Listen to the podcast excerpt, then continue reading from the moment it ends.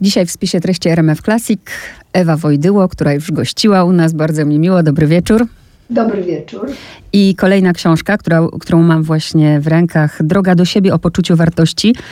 Ja tak zachłannie czytam te pani książki. Jak je czytam, to tak za każdym razem po prostu tak się ze wszystkim zgadzam. To się czyta tak szybko i tak cudownie. A potem odkładam tę książkę i nagle się okazuje, że zaczyna się życie i to wszystko już nie jest takie proste. Zacznijmy od początku, od tego poczucia, właśnie tego słowa pani je wyjaśnia, poczucie wartości. Ktoś ma to poczucie albo ktoś nie ma tego poczucia, czyli jakiego? Poczucie wartości to jest zadowolenie, że jestem sobą.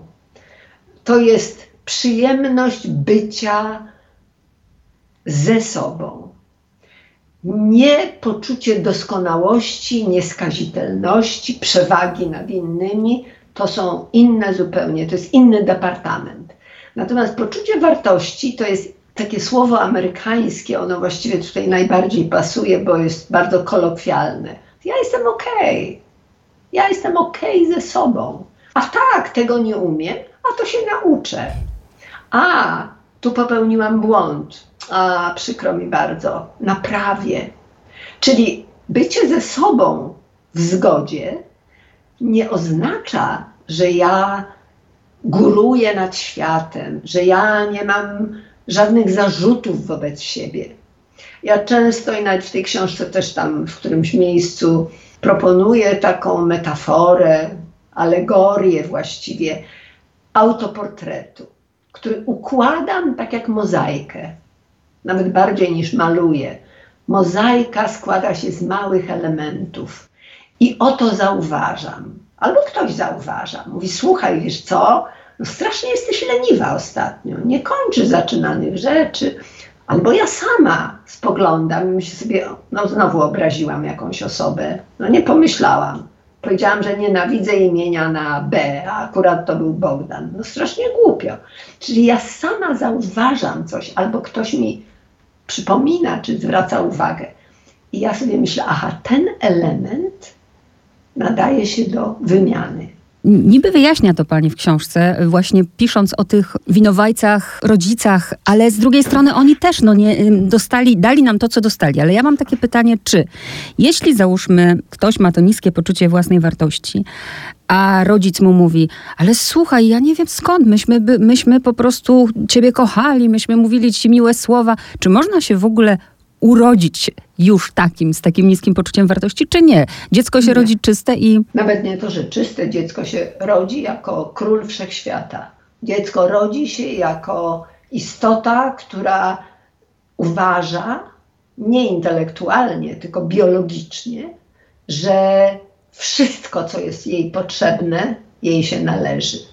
Dlaczego tak jest? Bo jest to instynkt przetrwania nie ma żadnego, żadnych ustępstw. Jak ja czegoś potrzebuję, pokarmu, odpowiednich warunków, to co dziecko robi? Każde krzyczy, woła.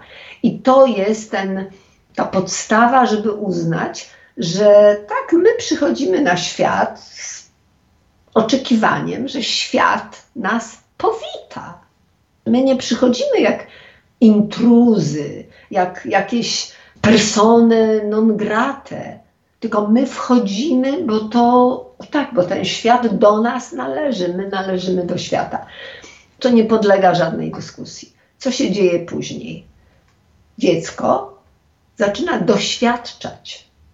I to takie ma, taką ma nazwę deprywacja. Przy czym ono stosowane jest do określenia poważnych braków, ale mogą być niepoważne braki. To w oczach noworodka, czy w jego odbiorze, to jest deprywacja. Jak dziecko płacze, bo jest mokre i mu niewygodnie, albo jak położy się na własnej rączce, a nie może się obrócić, albo poduszeczka się zagnie, albo smoczek wejdzie pod policzek. No różne drobne rzeczy. To to dziecko zaczyna płakać. I co?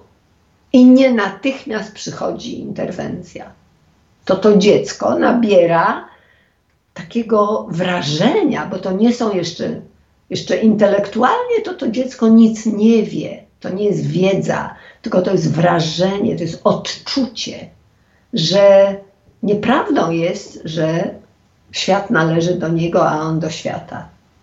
I to są, ja to zresztą w tej książce nawet poświęciłam duży fragment, chociaż to są, no właściwie można powiedzieć, nie należy do tego tematu, ale tak, żeby wstępem przygotować na świadomość, na uświadomienie sobie, że tu nikt nie musi być winny.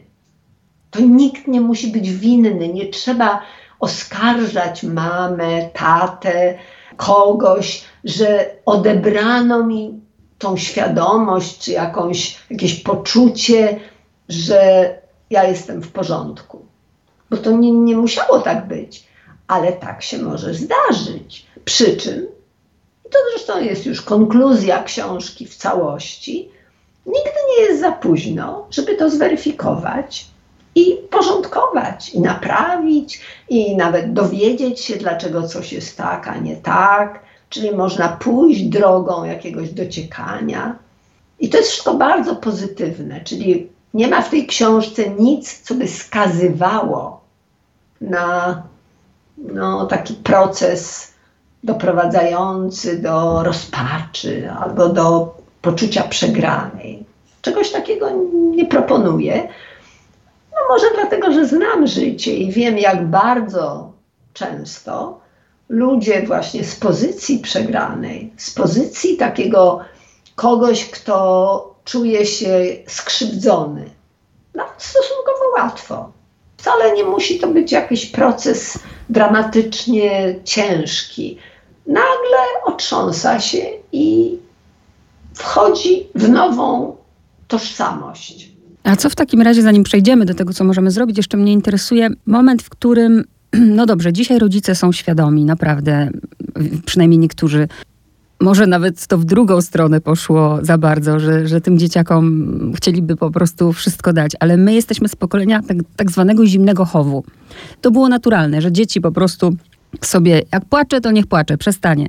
I teraz wyszłoby na to, że całe to pokolenie musiałoby mieć niskie poczucie własnej wartości, no ale są właśnie ludzie, nawet w jednej rodzinie, że, że jest siostra i siostra i jedna ma taki problem, a druga nie ma. No to od czego to zależy? No, zależy też jednak, trzeba mieć szacunek dla własnej biologii, a w tej książce zresztą też o tym piszę, że oprócz tego, jakie mamy warunki i okoliczności i z kim się w życiu stykamy, to jeszcze oprócz tego przynosimy na świat pełne wyposażenie. I to wyposażenie nas albo predestynuje do względnie łatwego radzenia sobie z rozmaitymi, z rozmaitymi przeszkodami. Łącznie z tym, że na przykład ktoś podminowuje nasze poczucie wartości. To też jest jedna z przeszkód. A ja akurat jestem odporna na to. Albo ja sama nie jestem odporna, ale obok mam na przykład nauczyciela WF-u, albo panią wychowawczynię w przedszkolu, albo ciocię Hanię, która widząc, że raptem moja krucha, delikatna wrażliwość jest narażona na jakąś przykrość. I taka osoba stanie z boku, weźmie mnie za rękę i powie: Hej, chodź ze mną, pójdziemy na łyżwy. Nauczysz mnie jeździć na łyżwach, bo ja nigdy nie jeździłam, a ty już umiesz co ja poczuję? Że dobra, dobra, tam marudzą, mówią, że ja to nie tego, że jestem nie taka, że miałam być chłopczykiem, a nie jestem dziewczynką. Różne mogą być dziwne rzeczy, nawet nie, nienaprawialne. Ale tutaj ciocia Hania daje mi szansę i ja czuję się zdobywcą, ja czuję się zwycięzcą, ja czuję się potrzebna, ja czuję, że coś mogę Coś takiego, czego skądinąd ciocia Hania nie może dostać. Nawet nie muszę jej nauczyć na łyżwach jeździć. Może być, chodź do mnie, zrobię herbatę i lubię z tobą pobyć. Ktoś mi powie, że lubi ze mną pobyć. Jakież to jest uzdrawiające. Czyli czasami te czynniki, które nas ratują przed klęską, przed rozpaczą na własny temat, są niespecjalnie wyrafinowane. Wystarczy jedna inna osoba, niż na przykład moi bezpośredni opiekunowie, rodzice czy ktoś najbliższy, żebym ja nie straciła do reszty przekonania, że ja mam miejsce na tym świecie. A teraz tak.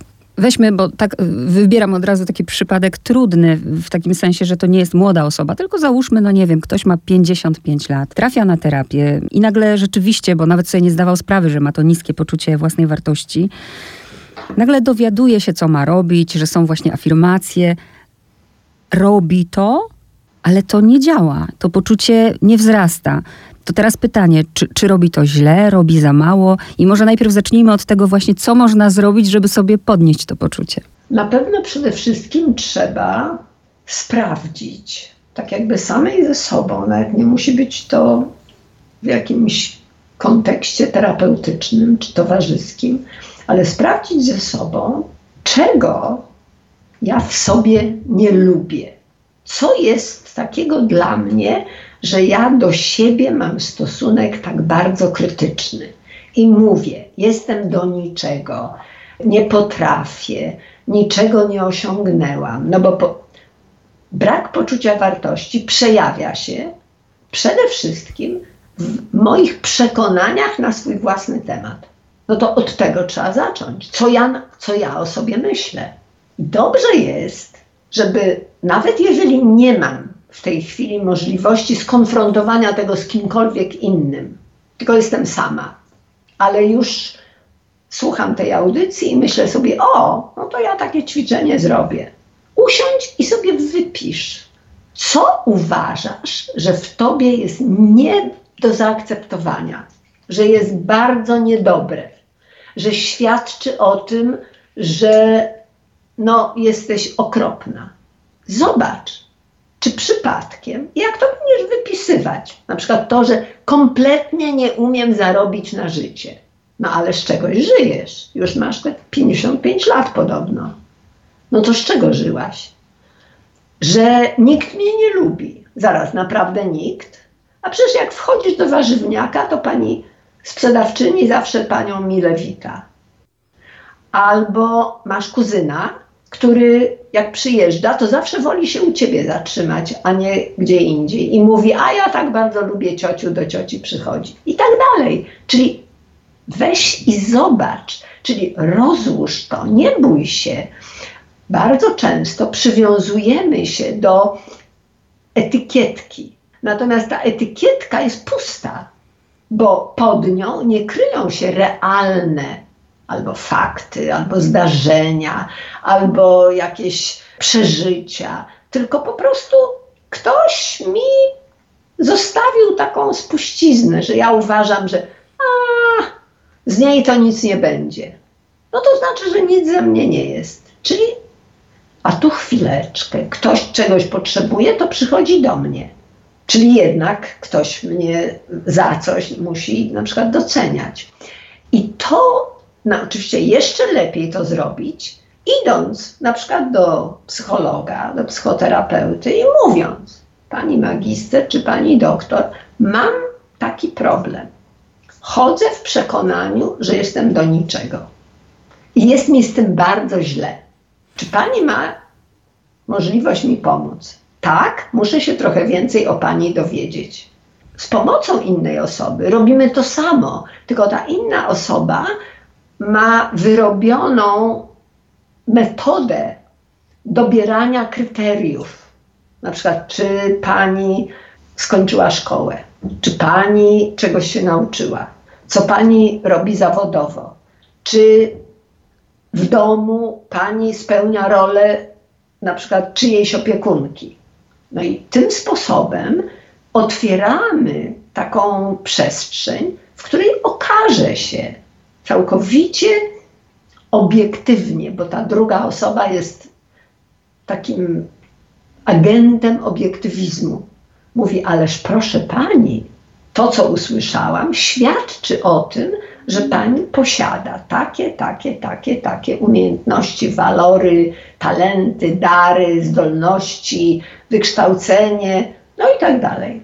I nagle wtedy budujemy ten portret tej osoby bardziej taki prawdziwy. I ona już, można ją oczywiście długo pytać, a co się pani jeszcze nie podoba? No na przykład to, że nie mam prawa jazdy. A, faktycznie, dzisiaj nie mieć prawa jazdy to jest dosyć rzadka, rzadka przypadłość. A co stoi na przeszkodzie, żeby pani zrobiła prawo jazdy? Nie, no mam 55 lat, to już się nie nadaje. A poza tym nie mam samochodu. Ale czy nie ma pani samochodu dlatego, że pani nie chce mieć samochodu, czy dlatego, że nie ma pani prawa jazdy? Nie, no nawet w rodzinie samochód jest, ale ja nigdy nie mogę. Wchodzić w rolę takiego, no, takiej mobilizacji. No a jak się pani nauczyła angielskiego, to może się pani nauczy tych, nie wiem, 60 znaków drogowych. I opanuje Pani różnicę, czy tam operację między kierownicą, dźwignią biegów, sprzęgłem, hamulcem i gazem. Są raptem 8 elementów, to, to się nie da. I zaczynamy pomagać tej osobie, bo terapia, czyli terapia to jest leczenie. Oczywiście leczenie nie odnosi się tutaj do medycznych aspektów, tylko do aspektów życiowych. I polega na tym, że trzeba takiej osobie dodać poczucia mocy. Nawet nie mocy, bo ja mocy nie mogę ci podać, ale poczucia Twojej mocy mogę. Przecież to zrobiłaś. Przecież masz dwoje dzieci. To Twoja umiejętność poradzenia sobie z trudami jest gigantyczna. To w porównaniu z tym, że masz dwoje dzieci, zrobienie prawa jazdy to jest po prostu mały drobiazg. I tym sposobem, widzi Pani, ja to teraz tak rozkładam już na taki przykład, po to, żeby przekonać słuchaczy, Panią, że to nie jest jakaś magia. No tak, my byśmy też właśnie chcieli, żeby to było tak pstryk, i, że, i żeby się stało. Pisze pani o sile afirmacji. To, co mnie bardzo zaintrygowało, to to wymienia tam pani te afirmacje, które pani lubi, zaznaczając, że tę ostatnią najbardziej nie narzekam. Naczytałam się w życiu tych książek mnóstwo i gdzieś tam zawsze słyszałam, że nie można budować afirmacji z nie, bo mózg nie słyszy tego nie i wtedy słyszy narzekam. A pani mówi, to jest pani ulubiona. Co pani w ogóle jako psycholog o tym myśli, że, że jest taka teoria, że w afirmacjach nie używa się tej partykuły nie? No, dla mnie afirmacja używa bardzo dużo partykuły nie. Bardzo dużo, dlatego że na przykład nie odkładam na jutro, jeżeli mogę zrobić dziś. Nie narzekam, nie kłócę się, nie klnę, nie obrażam. Czyli to jest błędna teoria, że nie używa się tego. Ja nie wiem, nie wiem, kto ją wymyślił. Ja jej w ogóle nie znam, mm muszę pani powiedzieć. Bo afirmacja to nie jest jakiś katechizm, który ktoś ułożył i jeszcze zatwierdził na katechizmu nie, ale dziesięcioro przykazań podobno, nie wiem, Mojżesz przyniósł, ale prosto z nieba. To no nie jest coś takiego. Afirmacje to jest to coś, co tobie pomaga odzyskać wiarę w siebie. Tylko to. I teraz nie robię rzeczy, które kogoś krzywdzą. Zaczyna się od nie. I wystarczy mi, żebym o tym pamiętała i żebym sobie to, no, jeszcze muszę sobie to powtarzać, ponieważ czasami pokusa jest olbrzymia, żeby na przykład wiedząc, że ktoś jest zapominalski, przypomnieć mu o tym. To ja tego nie robię. Nie. Ja nie obrażam. Ja nie wykorzystuję słabych punktów mojej rozmówczyni. Ja nie krytykuję, jeżeli nie mam pomysłu na naprawę. Ja nie robię. Także tu naprawdę to jest kwestia, wie pani, przefrazowania. Ja bym się nie czepiała, bo są języki nie takie jak polski i gdzie indziej pewnie to nie, nie będzie występować. Ale to w ogóle jest jakiś, jeżeli ktoś stworzył jakąś tam definicję czy koncepcję, no to chyba, chyba no nie wiem, no chyba nie, nie pomyślał tak tak bardziej wszechstronnie. I to jest to, jak czasem właśnie zaufamy jakimś tam poradnikom. Weźmy taki przykład, załóżmy, że osoba no, nie, ma kontaktu z terapeutą, teraz właśnie nas słucha ta 55-letnia pani, która załóżmy sobie afirmuje, nie będę myśleć o sobie źle.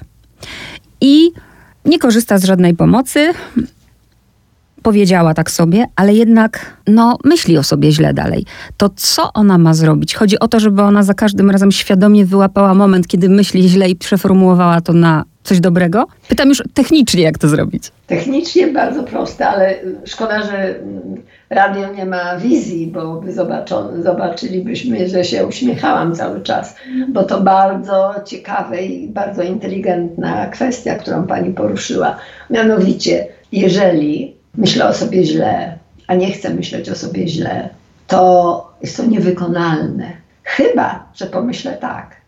Mhm. To na czym polega to, aby nie myśleć o sobie źle? Na czym to polega? Aha, to polega na tym, żeby myśleć o sobie dobrze. A, a to już jest wykonalne. Bo muszę sobie pomyśleć, co dobrego umiem, co dobrego zrobiłam, co dobrego wiąże się z moją osobą, co dobrego ktoś kiedyś mi powiedział, co dobrego sama doceniam, co dobrego jest moim dorobkiem, co dobrego dostałam od losu, co dobrego jest podobne do tych, których kocham. Czyli rozumie Pani, nie można myśleć postulat typu, że ja zacznę o sobie myśleć dobrze, jest wykonalny. A postulat, że nie będę myśleć o sobie źle, jest niewykonalny. Nie wiem, czy w naszej rozmowie mamy rozrzutnie traktować czas, czy raczej bardzo się zdyscyplinować, ponieważ mam fantastyczną przypowieść, prawdziwą, która to zilustruje. To bardzo proszę. W Kanadzie, w Montrealu, na uniwersytecie, pewien szalony psycholog przeprowadził eksperyment. Eksperyment polegał, był prościutki.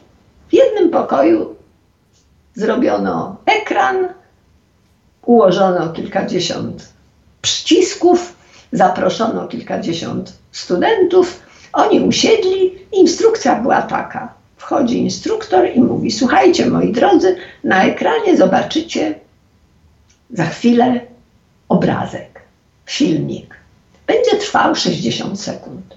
W ciągu tego 60-sekundowego oglądania proszę się bardzo skupić na ekranie. I jak ekran zgaśnie, to proszę przycisnąć albo czerwony, albo biały przycisk.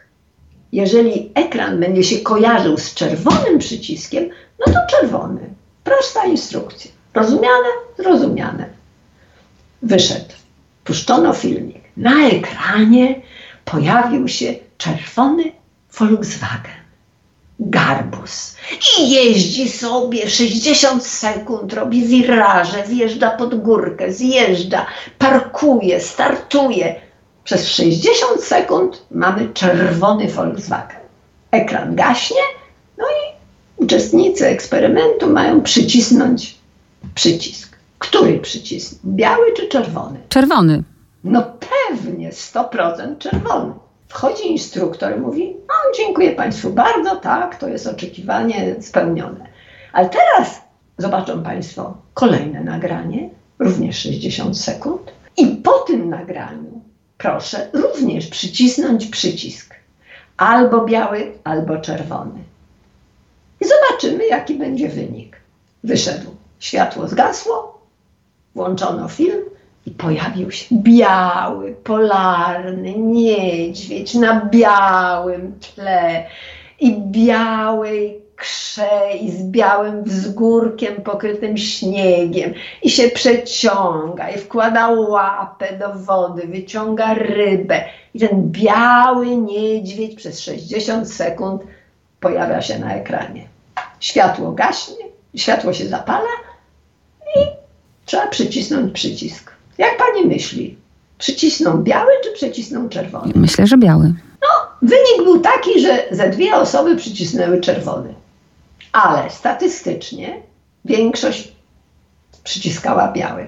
Jaki z tego jest wniosek naukowy? Naukowy wniosek jest taki, że jeżeli o czymś myślisz, to to zdominuje Twój wybór. Jak gdyby zdeterminuje Twoje nastawienie. I to jest odpowiedź na Pani pytanie, co ma zrobić osoba, która myśli o sobie źle, a chciałaby zacząć myśleć o sobie dobrze, no to. Cały myślę, czas musi szukać tego, co jest pozytywne ma i dobre. zacząć sobie mm. po prostu wziąć kartkę papieru, zapytać znajomych od niepamiętnych czasów, dowiedzieć się, co ja takiego fajnego zrobiłam, co ja powiedziałam, a jaką ja byłam uczennicą. No, najczęściej my sami sobie możemy to przypomnieć, ale jak już masz wyjątkowy problem, to po prostu weź do otoczenia, wyciągnij rękę i poproś. Powiedz, czy ja byłam fajnym dzieckiem? No nie, byłaś okropnym dzieckiem, ale czy w ogóle coś fajnego? A tak, no wiesz, no pierwsza nauczyłaś się pływać. Aha, super, zapisuję. Czyli ty masz wykonać pracę. Czasami ona jest prosta, bo ci wszyscy powiedzą, nie, byłaś cudownym dzieciaczkiem. No i to wtedy jest prostsza sprawa. Natomiast jeżeli ktoś rzeczywiście uzbierał jakieś negatywy, bo dużo ludzi do siebie zraził, bo miał trudne okresy w życiu, kiedy się nie sprawdzał, no to tak, ale też zacznij szukać, co było fajne, co było dobre, co było miłe, co było ładne, co umiałaś. I tym sposobem zbierzesz kolekcję, cały rejestr takich właśnie pozytywnych rzeczy. I w tym sensie to skupienie powinno towarzyszyć temu, co było dobre. Bo jak ja się na tym skupię, to to jest moja afirmacja. Bardzo ważny rozdział i myślę, że też wielu osobom pomoże, bo jednak mamy taką tendencję, żeby się wiecznie do kogoś porównywać. A chciałabym być taka, a moje sukcesy to są żadne przy jej sukcesach. E, tutaj mamy dużo miejsca poświęconego neuroróżnorodności i zapamiętam na zawsze. No właśnie, no, jak jestem bananem, to nigdy nie będę pomarańczą. tak, tak, więc to E, rozdział o neuroróżnorodności, ja wprowadziłam pod wpływem właściwie takiego miłego przeżycia. Powstała w Polsce pierwsza taka, już oficjalnie taka właśnie fundacja, która się zajmuje wprowadzaniem tej koncepcji myślenia. No to nie jest tylko sam termin czy jakieś pojęcie, ale żeby to się stało częścią praktyki społecznej miejscu pracy, w szkole, w domu, w społeczeństwie, w polityce, nawet w życiu międzynarodowym. To jest jakaś przyszłość dla ludzkości, ponieważ nieakceptowanie odmiennych od nas, co sięga pewnie neandertalskiego człowieka albo nawet Cromagnon, czyli to rzeczywiście pokazuje prymitywizm plemienno-maczugowy. Tak, jesteś inny, to na pewno mi zagrażasz. A tutaj, w tej właśnie, ona się narodziła nie tak dawno, to jest kwestia 15-18 lat temu, ale już w Polsce mamy grupę ludzi, głównie kobiet, ale nie tylko, które zaczęły to jakby głosić promować, pokazywać, uczyć. I to jest niesamowicie piękne. Więc jak pisałam ten rozdział, to naprawdę z, takim, z taką wielką atencją i wzruszeniem, że znalazłam się w gronie osób, które w tym biorą udział i bardzo mi to jakoś dobrze robi, bo sobie myślę, że no cudownie, że można przełamywać fale, bo to jest coś, co jest awangardą coś, przed czym musi ustąpić taka stara koncepcja wrogości. Widzimy to na co dzień, ale to nie jest przyszłość, to jest przeszłość. Proszę powiedzieć słuchaczom, kogo pani jeszcze zaprosiła tutaj do tej książki, bo mamy tu wiele gościń, same A, kobiety. To bardzo, bardzo to był miły taki akcent, na który wpadłam i bardzo się cieszę. Pani profesor Łętowska, Dorota Warakomska, Urszula Dudziak, Jagoda Kubiak, o kim zapomniałam? Nie wiem, ale jeszcze na koniec Maja Ostaszewska. Więc to są osoby, z którymi się przyjaźnię, które kocham, które podziwiam, które są moimi wzorami, więc w jakimś sensie to, ponieważ to jest moja książka, no to doprosiłam sobie grono, które wiedziałam, że mnie nie zawiedzie, ponieważ wszystko, co powiedziały, wszystko, co w tej książce się znalazło, to są no, takie echa moich własnych przekonań, tylko powiedziane piękniej, bardziej autentycznie, tak autorsko. A ostatnie pytanie jest takie, trochę chyba Maja Ostaszewska właśnie o tym napisała w jednym zdaniu na pewno, że tej świadomości poczucia własnej wartości nie ma się raz na zawsze. Moje pytanie jest takie, czy jeśli, wróćmy do tej 55-letniej kobiety, ona nie będzie robić nic, czyli nie będzie myśleć o sobie dobrze, to nic się nie zmieni, prawda? To samo z nieba nie spadnie. Bez pracy niskie poczucie wartości zostanie na zawsze. Trzeba po prostu włożyć wysiłek.